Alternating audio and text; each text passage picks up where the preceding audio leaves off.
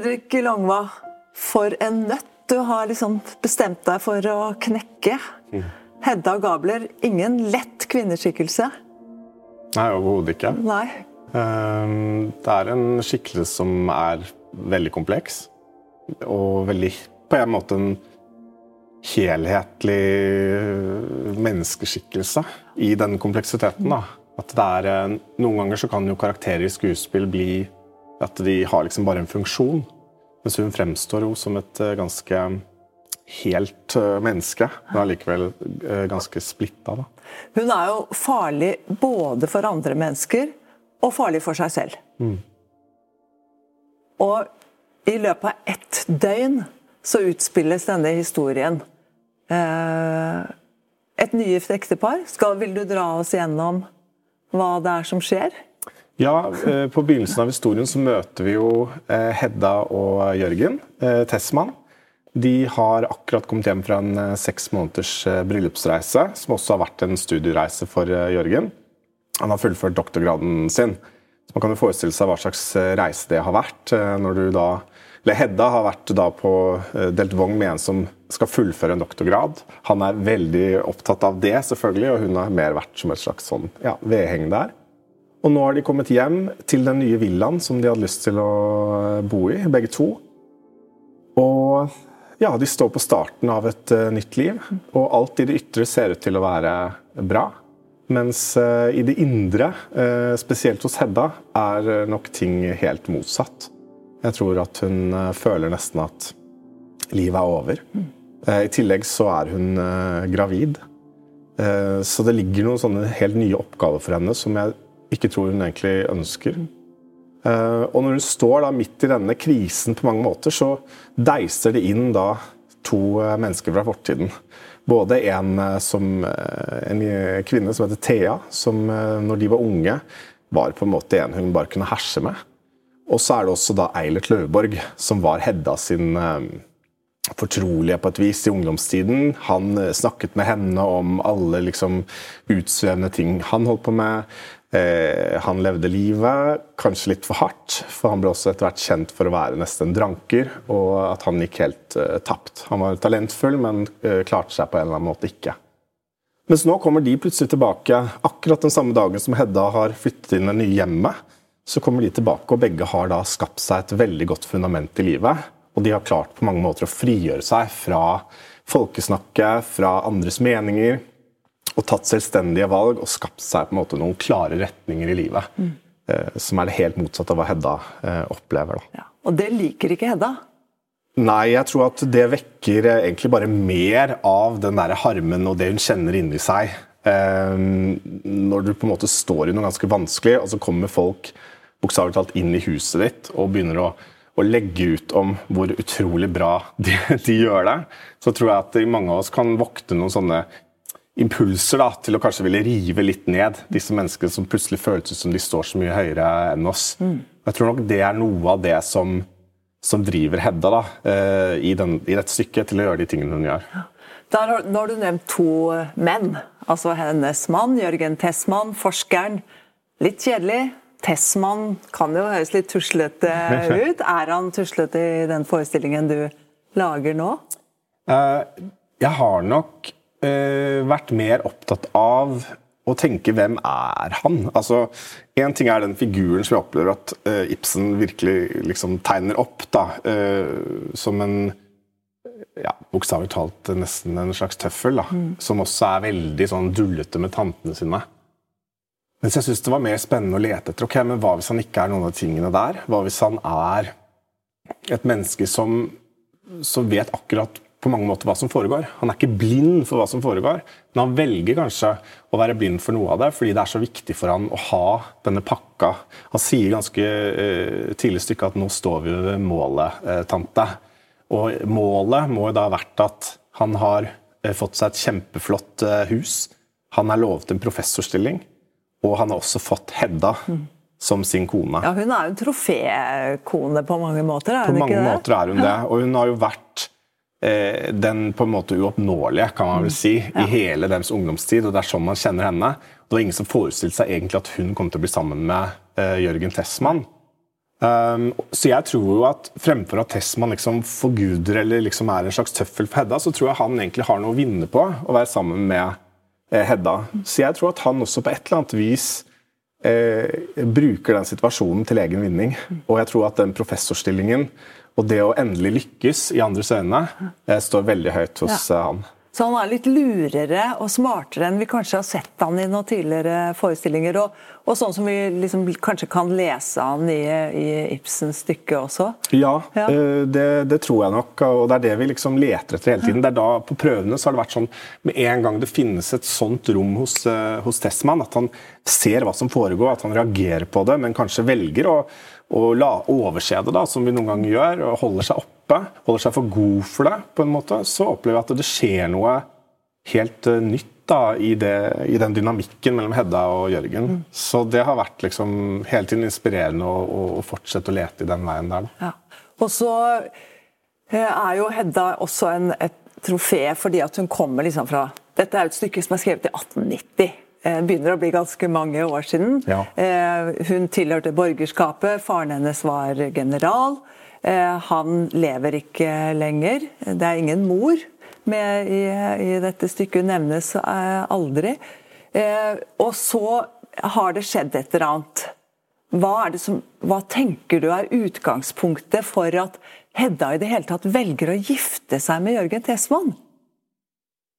Oh, hun sier jo eh, i stykket at hun har eh, danset seg trøtt, og så trekker hun seg. Eh, jeg tror jo da at hun egentlig så lenge som mulig eh, som kvinne, og kanskje I dag så kan man jo si at, eh, at, det ikke ligger noe press på noen for at de skal gifte seg eller etablere seg, men jeg tror allikevel at det er en eh, ja, at det er noe løgn ved det. da, for jeg tror at det presset stadig finnes. Og, og, jeg tror at Hvis Hedda har vært opptatt av en viss eh, fasade i livet sitt, så er det å bli en eh, altså det å leve alene når du blir sånn, sånn eldre, ikke egentlig etablere deg Hun har heller ingen karrierevei. Det tror jeg er uaktuelt. Mm. Um, ja, hvorfor har hun ikke altså I vår tid så er jo det med karrierevei mm. Det er jo et valg man kan gjøre. Det var vanskeligere i 1890. Helt klart. Ja. Så hvorfor gjør hun ikke, ettersom dette er en, en moderne oppsetning, mm. hvordan forklarer du at hun, ha, at hun ikke velger noe annet? enn det som helt tydeligvis er altfor trangt for henne i det øyeblikket hun setter, kommer hjem fra denne bryllupsreisen. Kanskje for trangt også på bryllupsreisen. Ja, helt klart. Ja. Og Det er et spørsmål man kan stille om mange. altså sånn, Hvorfor tar du ikke høyere utdanning? Hvorfor gjør du ikke disse tingene? Uh, og jeg tror at noen uh, mennesker ikke nødvendigvis uh, våger. Og jeg tror at frykten i Hedda om å, det å være på en måte nybegynner, eller det å feile og det å stå i noe du kanskje ikke helt ut mestrer, den er veldig høy. Og det tror jeg henger sammen med hennes, hennes oppvekst. At det ligger en sånn idé om at du skal, få, du skal få det til totalt, eller så er det nesten ikke verdt å prøve. Så jeg tror at Hedda er ekstremt opptatt av å ikke eh, miste ansikt. At ingen skal se at hun på en måte prøver eller streber. Og Det er klart at det, det her er jo et av nøkkelspørsmålene i det å modernisere det. For det er klart at uh, man undrer seg jo over, også i prøvene, hvorfor Hedda ikke gjør noe. Og, og Før i tiden lå det vel mer i kortene at ja, men det er jo en kvinnes mm. rolle. eller sånn, Det er ikke noe uvanlig. Det er samfunnets ansvar, på en måte, fordi at det er sånn samfunnet er ja, den at, gangen. Ja, og det er liksom sånn, selvfølgelig. altså Nå skal hun bli mor, og, og det er ikke noe Det er ikke noe liksom, Det trenger ikke å bestå av noe annet. Mens nå så um, så uh, ligger det som et klare spørsmål, som vi har svart på egentlig med å forsterke den frykten i henne. da om både skandalen, men også det å på en eller annen måte bli sett på som noe lavere enn det hun har vært. Mm. Hun har valgt seg et liv med Jørgen eh, hvor hun ikke nødvendigvis blir utfordret. Selv om det er det hun kanskje aller mest trenger. At hun trenger noen som stopper henne eller sier nei. Men så har hun valgt seg noe som egentlig ikke ligger noen reell utfordring i. Og det er også, eh, blir hennes e-, egentlig største eh, problem. Da. fordi da blir også tilværelsen på mange måter eh, kjedelig. Mm. Jeg vet ikke hva slags forhold du har til Hedda etter hvert. Er du blitt glad i henne? Syns du synd på henne? jeg har blitt veldig glad i henne. ja, du har det. Eh, det vil jeg si. Uh, jeg syns alltid Jeg får sånn støkk i meg hver gang vi egentlig nå uh, snakker om at hun er liksom fæl. da. Fordi jeg tror jeg har brukt så mye tid og krefter på å nettopp sette meg inn i hennes situasjon og hennes logikk, og hvorfor hun gjør som, som hun gjør. Um, så jeg tror at når, når, hun begynner å snakke med Brakk eksempel, og dele hvordan du har hatt det, så, så kan jeg nå virkelig følge det. da. Men jeg husker at når jeg begynte med stykket, at jeg tenkte at det ville bli en eh, krevende oppgave. Også fordi hun har en sånn eh, Hun er liksom dekadent, og hun har ikke noe som driver henne. Hun, hun har ikke noe sånn eh, at hun prøver å Hun bryr seg ikke om verden. Hun, hun fremstår ikke som et menneske som, som ønsker å bidra med noe, egentlig, men hun vil gjerne ha det. Så hun har mange sånne sider som eh, jeg forbinder med mer sånn usympatiske mennesker. Eh, men så, desto mer jeg jobber, så forstår jeg mer av det. Og det handler vel også om å forstå at det Hedda består av, og de der mørkere skyggesidene hun har i seg, det har de fleste mennesker i seg. Og vi får liksom muligheten til å se de hos Hedda nå, i det som er eh, kanskje det verste døgnet, eller i hennes hele liv. Ja, det, er, det må det jo, ja. Så derfor kan vi fort tenke at eh, å, sånn er hun, hun er sånn der. Men det handler jo også om de omstendighetene hun står i. Hun, også, hun står, som jeg har tenkt mange ganger, av en eller annen grunn som, som treffer meg, men hun har ikke noe hjem. Altså, hun står i et helt nytt hjem. Hun har akkurat flyttet, hun står bare i et tomt hus. Og hun har ingen hun egentlig kan snakke med om det som foregår inni henne. Og i tillegg bærer hun et barn i magen. Det er store livsomveltende omstendigheter som hun egentlig aldri får tid til å til å fordøye eller, eller, finne ut av før det kommer enda flere da, eh, omstendigheter inn. Du er 34 år, stykket er skrevet i 1890.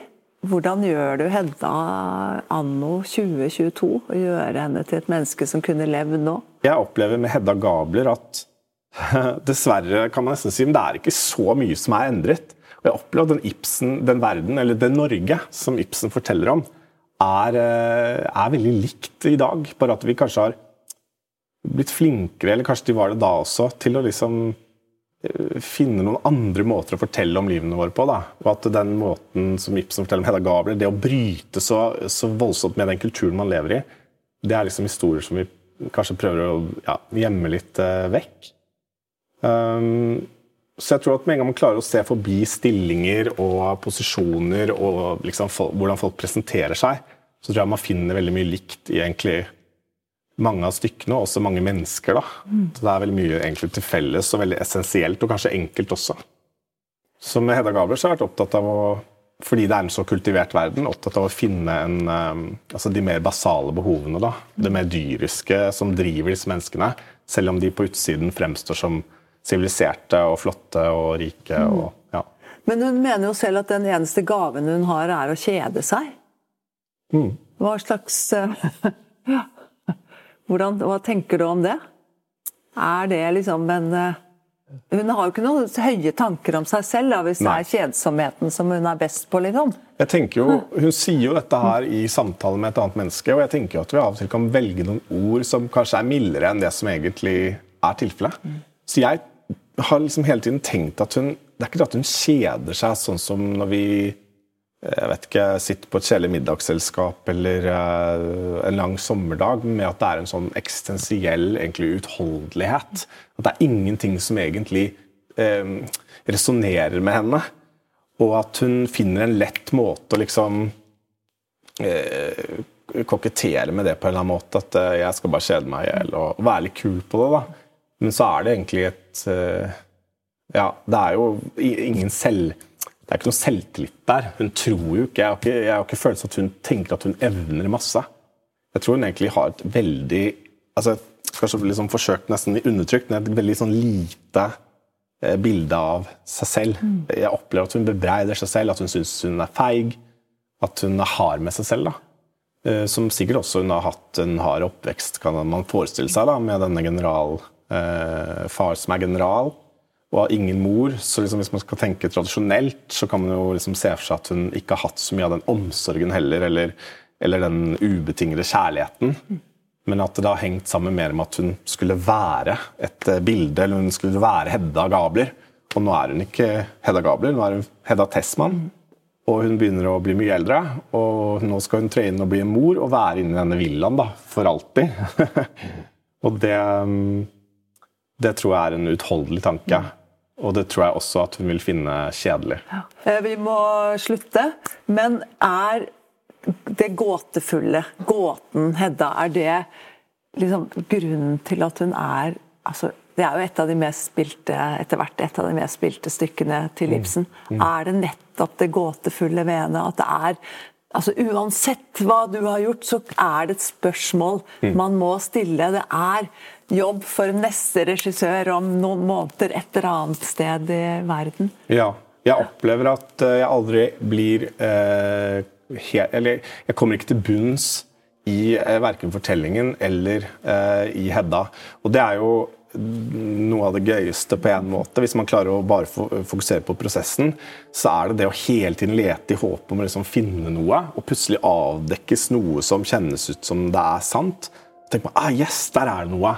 Men at man fullt ut eh, forstår Hedda, det tror jeg eh, ikke man kan.